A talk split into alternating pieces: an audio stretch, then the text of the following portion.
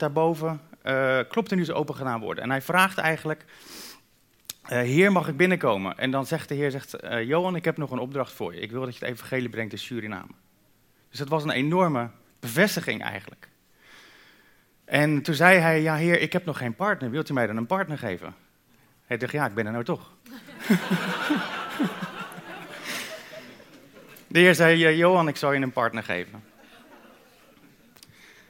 In de verte hoort hij dan vervolgens mensen schreeuwen. En dat waren mensen die hadden hem kopje onder zien gaan. Die waren in het water gesprongen, hadden hem gezocht, niet gevonden. Hij had wel een kwartier of twintig minuten ingelegen. Uiteindelijk uh, gevonden, naar boven getrokken met z'n vieren. Die waren hem aan het opwekken, zoals dat ook staat, dat wij als christenen mogen doen. En hij kwam weer terug. Hij ging rechtop zitten, spuugde het water uit zijn longen en ging weer staan. Heel bijzonder. Um, de dag daarna heeft hij gesproken in een klein kerkje voor het hele dorp. Een dorpje van 100 mensen. En van de 100 mensen zijn er 80 tot geloof gekomen. Dus zijn bediening kreeg kracht. En ik vind het mooi om dit verhaal te vertellen. Ten eerste omdat ik het gewoon waanzinnig vind dat dit soort dingen ons kunnen overkomen, zeg maar. Het is gewoon Johan die in één keer zo, zoiets meemaakt. Maar ook omdat hij uh, duidelijk moest zoeken. Weet je, wij zijn allemaal denk ik aan het zoeken voor wat is onze roeping. En we zouden het zo graag in één keer helemaal willen horen. Maar hij moest zoeken en bidden en gaan wandelen. En hij kwam erachter dat Jezus steeds een stukje meer liet zien. En een derde reden waarom ik het leuk vind om dit verhaaltje te vertellen is omdat uh, ja, het gaat gewoon om Johan. Weet je, het is niet heilig Antonius of zo die zoiets meemaakt. Dat betekent dat wij allemaal zoiets mee kunnen maken. Als hij dat kan, kan wij, kunnen wij dat ook. Dus dat vind ik leuk. God heeft hele bijzondere dingen voor hele eenvoudige en gewone mensen. Ik ben met hem uh, meegeweest naar Suriname. Daar staan we met z'n allen in een kerk. Met Bas en nog twee mensen die erbij waren. Ja, en het is heel bijzonder om te zien wat God door hem heen doet. Het is echt duidelijk dat hij een roeping heeft, de passie die hij heeft, de kracht die hij heeft. En uh, ja, wij mogen hem dienen. Dus dat is heel erg leuk. Goed, dan een stukje over mijn eigen leven. Uh, ik heb ook aan God gevraagd, Heer, wat, uh, wat heeft u voor mij? En het was in 2010, dus alweer een tijdje geleden, kreeg ik op een gegeven moment een beeld. En in dat beeld zag ik een koker. En die koker die was zo verticaal en die ging op een gegeven moment, maakte die een bocht naar zo horizontaal. En ik zag in dat horizontale gedeelte, zag ik een stuk of dertig moslims zitten. waren allemaal zwart gekleed, op zwarte kleedjes, waren aan het bidden, zoals ze dat doen, richting Mekka. En het was zeg maar voor een stukje van die pijp, als het ware, was dat zo gevuld met moslims en daarna niet meer. En toen dacht ik, nou, ik weet niet wat het is. Ik zag mezelf overigens ook nog zo door de pijp naar beneden vallen en zo over die moslims heen vliegen.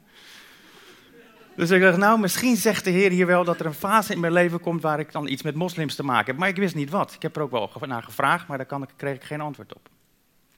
En drie jaar later, dat is best wel weer een stukje verder, komt uh, een vriend van mijn vader naar me toe. Hij is voorzitter van Arab Vision. Dat is uh, een stichting die televisieprogramma's maakt voor het Midden-Oosten. Uh, televisieprogramma's over sociale gerechtigheid en over het evangelie. En hij vraagt of ik daarbij betrokken wil zijn. En ja, dat wil ik wel. Dus ik heb gesolliciteerd, ik ben het hele proces doorheen gegaan. En voor je het wist, um, stond ik tussen de Arabieren. En heb ik daar een anderhalf jaar maar, maar heel veel mooie dingen kunnen doen. En het fijne ervan, of het bijzondere ervan vind ik dat, um, dat ik me echt op mijn plek voelde daar. Ik had echt het idee, dit is wat God voor mij nu heeft. En dan zou je zeggen van, oh, dan ging het zeker makkelijk en voorspoedig, want het is allemaal Gods wil. Nee, helemaal niet. Er gingen heel veel dingen mis. Er waren mensen die hadden ons opgelicht en er was te weinig geld. En mensen kwamen te laat en programma's werden niet uitgezonden. Op een gegeven moment vloog ik naar Cairo toen was er een zandstorm, kon ik heel Egypte niet inkomen. Allemaal heel vervelende dingen. En zo voorspoedig was het dus allemaal niet. Maar uh, ondanks al die struggelingen die we daar eigenlijk met elkaar hadden, wist ik steeds van binnen, dit is wat God voor mij op dit moment wil. Het is misschien geen grote roeping, maar dit is uh, waar ik moet zijn, dit is mijn plek. En dat gaf me heel veel rust. Er zijn, waren honderden vragen die niet geen kracht meer hadden en die mij eigenlijk koud lieten. En dat, uh, dat vind ik eigenlijk leuk om te vertellen, want dat is wat God voor ons heeft als hij ons roept. Dat we mogen weten dat we in onze bestemming zijn. Nou ja, verder uh, weet ik dan verder de rest van mijn roeping? Nee, dit is alweer een tijdje geleden. Um, en wat ik nu voor roeping heb, ja, ik weet het niet.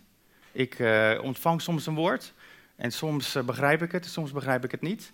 En ja, ik denk dat er, ik, ik, zet het er wel bij, ik weet mijn roeping nog niet, maar dit is wel wat ik wil. Het is wel iets wat ik heel erg verlang, dat je iets doet waarvan je denkt, dit is wat God voor mij wil, dit is mijn bestemming. En ik denk dat het zo voor ons uh, misschien allemaal is. Ik denk, God heeft voor sommige mensen een hele grote roeping, zoals voor Johan. En voor andere mensen heeft hij misschien gewoon beschikbaar zijn. En, en zijn het kleine dingetjes die misschien met elkaar te maken hebben. Goed, uh, dat voor wat betreft uh, mijn eigen ervaringen. Dan eventjes naar de Bijbel kijken. Er staan heel veel dingen over in de Bijbel. Aan de andere kant is het niet zo dat, uh, dat het onderwerp roeping heel erg gedetailleerd in de Bijbel staat, zodat je helemaal weet van, oh, dat moet ik doen en dan krijg ik hem. Maar er staan wel een aantal dingen. Ik heb er drie dingen in gevonden. De eerste is dat een, een algemene roeping is en een persoonlijke roeping. Daar heb ik een paar teksten bij. De eerste tekst is van Paulus aan de gemeente van Efeze. En daar staat: Ik, die gevangen zit omwille van de Heer, vraag u ook dringend de weg te gaan die past bij de roeping die u hebt ontvangen. Wees steeds bescheiden, zachtmoedig, geduldig, verdraag elkaar het liefde. Um, hij spreekt u dus eigenlijk over een algemene roeping. Want uh, hij gebruikt het woord roeping, maar hij spreekt tegen de gemeente van Efeze.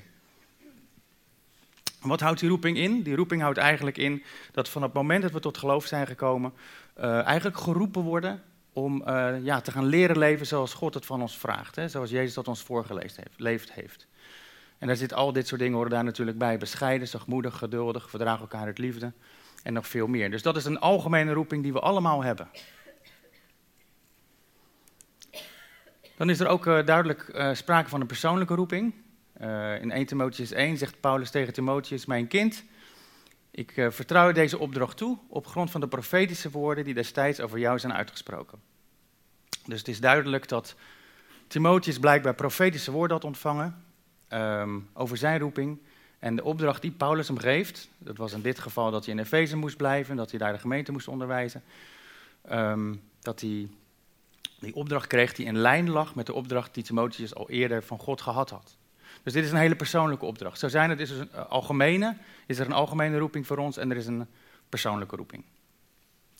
Nou kan ik me ook voorstellen dat je denkt van ja, maar weet je, die roeping dat, uh, dat is voor mij groot en beangstigend. Maar ik denk niet dat God per se zegt van ik heb een roeping voor je, uh, van allerlei dingen die er in het koninkrijk gedaan moeten worden. En, en, en, je moet dit doen en je moet dat doen. Ik denk dat God eigenlijk veel meer zegt van kom in mijn nabijheid. Hij roept eigenlijk, net als hij de discipelen riep, roept hij eigenlijk naar zich toe voor vriendschap. Om samen met elkaar te leven en op te trekken. En van daaruit, vanuit die intimiteit en vanuit die vriendschap en dat vertrouwen, volgt dan, denk ik, die algemene roeping en die persoonlijke roeping. En dan is het ook niet iets groots of iets engs of iets wat je niet aan zou kunnen. Dan past het helemaal bij je. En dan heb je er ook zin in.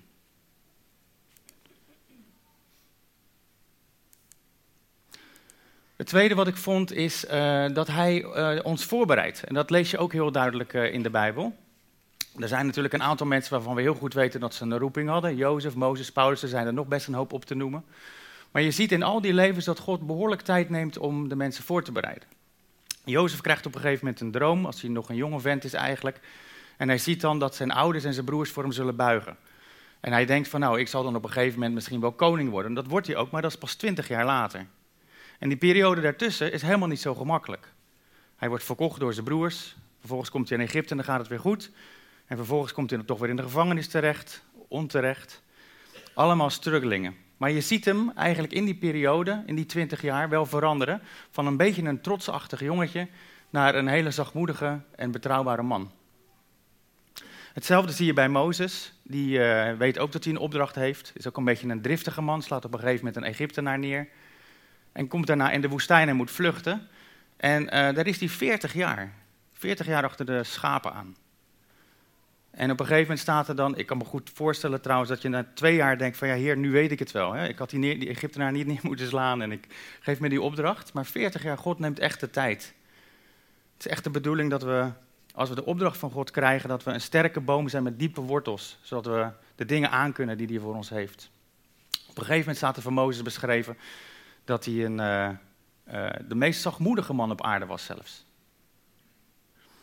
Nou, en dan uh, Paulus.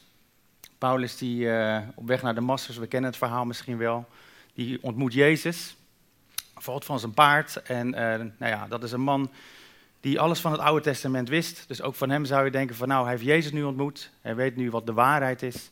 Hij kan zo het evangelie gaan brengen, misschien een maand of twee maanden later. Maar dat is niet zo. Ook Paulus moet tien jaar wachten Ook tien jaar gaat God hem in zijn karakter voorbereiden. Zodat hij sterk genoeg is om de taak die God voor hem heeft aan te kunnen. En misschien helpt dat ons ook wel. Dat we ook wel eens denken van, Heer, wanneer, wanneer heeft u nou precies wat voor mij? En ik denk dat God gewoon heel veel tijd neemt. En daar ook heel veel plezier in heeft om gewoon elkaar te leren kennen en aan het karakter te werken. Het derde wat ik bijzonder vind, ook als het gaat over een roeping en de taken die God voor je heeft, is dat, uh, dat er staat in de Bijbel dat God onze werken heeft voorbereid.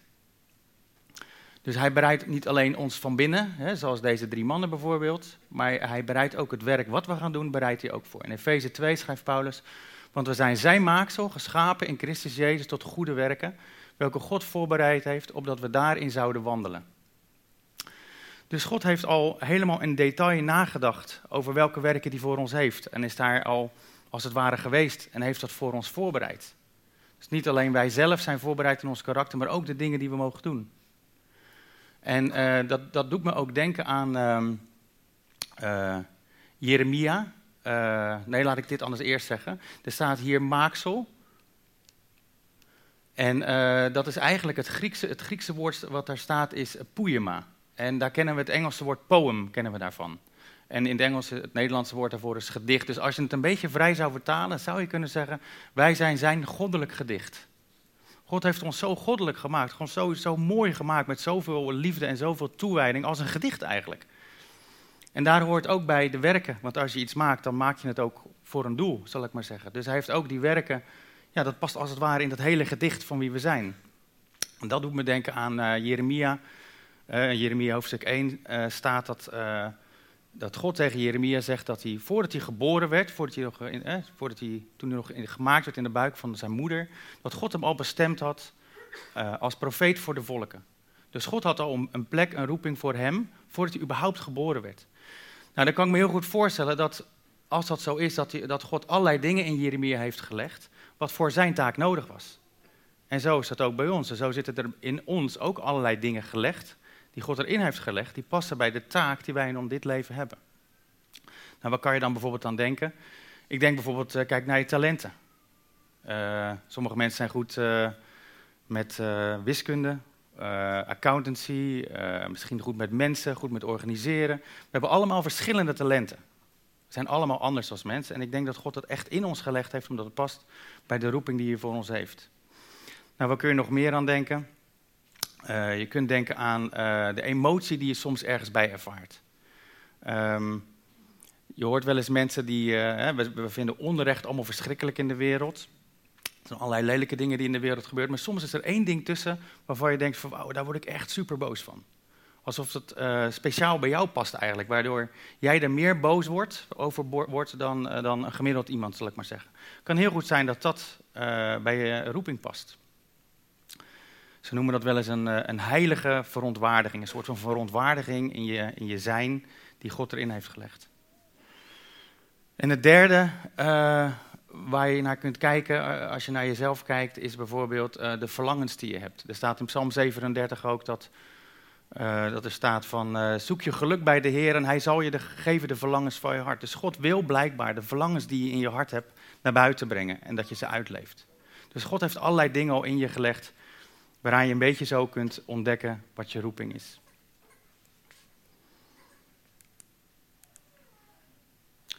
Ja, dan kom ik bij de derde, en dat is alweer het laatste puntje. Uh, wat is de sleutel voor het vinden van onze roeping? Want ik denk dat we allemaal toch een beetje zitten zoeken van ja, hoe kom ik daar nou dichterbij? Hoe kom ik nou beter of sneller te weten wat, ik, wat God van mij vraagt? En ik heb er ook tussen haakjes gezet een, want ik denk niet dat het, dat het de sleutel is. Maar ik heb naar wat sprekers geluisterd, ook op YouTube en zo. En dan kom je bij wat bekende sprekers, zoals um, uh, Dirk Prins bijvoorbeeld. Dat, die wordt dan de, uh, de grootste leraar van de 20e eeuw genoemd, geloof ik. Een hele betrouwbare man. En uh, John Piper, dat is ook zo, die leeft nog, dat is een hele, hele bekende spreker ook. En nog een aantal, en die komen allemaal met deze tekst. De tekst die ik nu ga laten zien. Het is een hele uh, mooie tekst, want het helpt ons in onze roeping. Maar het is ook een hele vervelende tekst, vind ik. Ik weet niet of jullie al een idee hebben om welke tekst het gaat. Ik zal hem voorlezen. Romeinen 12, de eerste twee versen. Leef volgens de wil van God, broeders en zusters. Met een beroep op Gods barmhartigheid vraag ik u om uzelf als een levend, heilig en God welgevallig offer in zijn dienst te stellen. Want dat is de ware eredienst voor u. U moet uzelf niet aanpassen aan deze wereld, maar veranderen door uw gezindheid of uw denken te vernieuwen om zo te ontdekken wat God van u wil, wat goed, volmaakt en hem welgevallig is. Dus dit is eigenlijk een sleuteltekst. God vraagt ons uh, onszelf als een levend offer aan te bieden. Dus ja, toen ik hiermee bezig was, dacht ik, oei, uh, in hoeverre doe ik dat eigenlijk? Hè? Ik bedoel, het is heel fijn om christen te zijn en het is heel fijn om God te kennen en bemoedigd te worden en de waarheid te gaan zien. Er is heel veel mooi aan het leven met God, maar mezelf aanbieden als een levend offer, oftewel alles inleveren, dat vind ik best wel een beetje heftig. En ik denk dat we dat allemaal misschien wel een beetje zo ervaren nu. Dus het is een, uh, een belangrijke tekst in het vinden van je roeping, maar het is ook een behoorlijk confronterende tekst.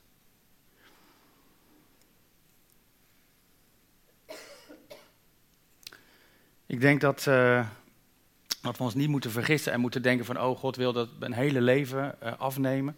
Ik uh, denk bij deze tekst ook wel aan wat ik een keer een, een, een, jongen hoorde zeggen, dat wanneer God iets van je vraagt, dat, het, dat hij heel vaak zilver neemt, maar goud daarvoor in de, terug in de plaats geeft. Dus God vraagt wel veel van ons, maar hij, hij wil ons zoveel ervoor teruggeven. En ik kan me ook herinneren dat, uh, dat ik um, Henk Binnendijk een keertje hoorde spreken en die vertelde van zijn roeping. Dat God hem riep. Hij had uh, een, uh, zijn vader had een bedrijf en hij zou zijn vader opvolgen. Dat was best een groot bedrijf en hij wilde ook zakenman worden en geld verdienen en alles. En op een gegeven moment zat hij in de auto en ervaarde hij, ervaarde hij heel duidelijk dat God hem riep om te gaan spreken. En toen werd hij daar vreselijk boos over. Echt tot vloeken toe, zegt hij zelf. En ik kan me dat best wel voorstellen. Je maakt een plaatje voor je toekomst allerlei dingen die je graag wil. En dan zegt God, we gaan hier naar links. Ja, dat is gewoon niet zo, uh, niet zo lekker. En dat is toch wat er, veel, wat er vaak gebeurt. God gaat voor ons met wel om een andere weg dan die we vaak zelf willen. En hij was er heel erg boos, boos over. En God heeft toen, uh, zo schrijft, zo zegt Henk Binnendijk, dat eigenlijk niet zoveel uh, over gezegd een tijdje. En op een gegeven moment was hij er nog steeds boven en boos over. En toen zei God tegen Henk Binnendijk van, joh, ik vraag je niks, ik geef je wat. En dat vind ik ook zo mooi. Het is niet dat God zegt van, joh, ik heb jou nodig en uh, je, je hebt maar te gehoorzamen. Maar God ziet jou en hij heeft wat voor je. En hij, wil, hij gunt je iets moois en hij geeft je iets. Al lijkt het voor ons soms alsof we iets moeten inleveren. Een levend offer. Nou, denk voor jezelf na. Hè, omdat uh, er komen straks nog twee beloftes. Eigenlijk de eerste, de onderste is eigenlijk al een belofte. Hè, dat je gaandeweg leert wat Gods wil voor jouw leven is. Dat is zo bijzonder. Dus als er iets in je leven is wat jou in de weg staat, hè, als er iets is wat je nog niet durft te offeren of wil offeren, spreek er met God over. En ik denk ook niet dat, dat God dat op een boze manier vraagt, maar ik denk wel dat hij, dat hij met, met zijn Heilige Geest ons wil helpen om die dingen te ontdekken en die dingen weg te nemen. Het tweede in die tekst, uh, in de tweede vers, wat heel belangrijk is, is dat je je denken moet vernieuwen. En daar zijn grote theologen het ook weer over eens. Van uh, hoe werkt het dan, je denken vernieuwen? Eigenlijk zeggen ze allemaal de Bijbel lezen, en bidden. En dat voortdurend. Voortdurend de Bijbel lezen en voortdurend erover mediteren en met God spreken. En uh, je leest dat bijvoorbeeld ook in, uh, in Psalm 1. Dat kennen we allemaal wel, denk ik. Uh, welzalig de man die niet wandelt in de raad van goddelozen. Nou ja, goed, dat, dat doen we niet. Maar welzalig is hij die zijn wet overpijnst, bij dag en bij nacht. Nou ja, dat is best wel intensief. Dag en nacht. Maar er staat ook een mooie belofte bij. Hè? Die zal zijn als een boom geplant aan waterstromen. En die vrucht geeft op zijn tijd. En alles lukt, staat erbij. Dus dat is bijzonder. Maar het is wel intensief. Die zijn wet overpijnst bij dag en bij nacht. En hij zegt het ook, God zegt het ook tegen Jozua. Jozua krijgt de, de, opdracht om um, het, beloofde, de, het volk in het beloofde land te brengen, in Israël te brengen. En dan zegt God ook tegen Jozua, staat in Jozua 1, van uh, overdenk en mediteer over de wet voortdurend. En leg het boek geen moment weg. Dan zul je in alles voorspoedig zijn. Dus ik denk dat uh, het voortdurend met Gods woord bezig zijn en zijn wil zoeken, ja, dat het gewoon heel sterk is. Ik denk als je veel met God bezig bent en zijn woord leest en bidt, dan leer je jezelf kennen, dan leer je God kennen en dan wordt de, de, de mistige wereld soms een stuk helderder. En dan zul je toch zo zien en ontdekken uh, wat God van je wil. Staat er hier als belofte bij. Wat goed is, wat volmaakt is en wat hem welgevallig is. Dan nog een belofte. Uh, die geeft Petrus. Uh, er staat in 2 Petrus 1, zijn goddelijke macht heeft ons alles geschonken wat nodig is voor een vroom leven door de kennis van hem die ons geroepen heeft. Nou, een beetje kort vertaald staat er, God heeft ons alles gegeven voor een leven zoals hij het van ons vraagt. En dan staat eronder, span u daarom des te meer in om uw roeping en uitverkiezing waar te maken, broeders en zusters. Als u dit alles doet, dan komt u nooit ten val en zal u onbelemmerd toegang worden verleend tot het eeuwige koninkrijk. Dus er staat ook wel een, uh, een oproep om ons echt uh, ja, in te spannen. Om onze roeping, die algemene roeping die we hebben en de persoonlijke roeping, om die waar te maken. Dan krijgen we onbelemmerd toegang tot het koninkrijk. En ik kan me voorstellen dat je zegt van ja, wat uh, betekent dat dan, hè? onbelemmerd toegang tot het koninkrijk? Um, ik denk heel veel dingen. Uh, dat gaat bijvoorbeeld over het ervaren van de rust die God voor ons heeft. Dat gaat bijvoorbeeld over profetische woorden ontvangen. Dat gaat bijvoorbeeld over genezing ontvangen in je eigen leven. Innerlijke genezing, lichamelijke genezing. Dat gaat over een zegen van God ervaren in je werk. Dat gaat over bemoedigd worden door God. Dat gaat over Gods liefde kunnen ervaren. Gods liefde voor andere mensen uit kunnen delen. Relaties die hersteld worden. Um, en daar hoort ook bij op een goede manier en passend samenwerken met de Heilige Geest. En daar past ook bij uh, het ontdekken en het volledig uitleven van de roeping uh, die God voor je heeft. Amen. Misschien uh, kan de band terugkomen. En ja, misschien kunnen we staan en kunnen we bidden en vragen of God ons een stukje van die weg laat zien die God voor ons heeft. Er staat in, uh, in Efeze 1 ook nog uh, een mooie tekst. Eigenlijk bidt Paulus daar voor de gemeente in Efeze dat hun ogen open zullen gaan voor de rijkdom die God in ons heeft gelegd.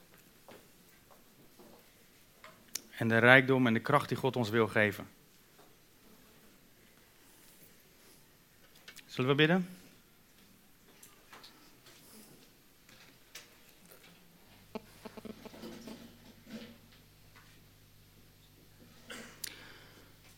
Vader, ik dank u dat u zoveel van ons houdt.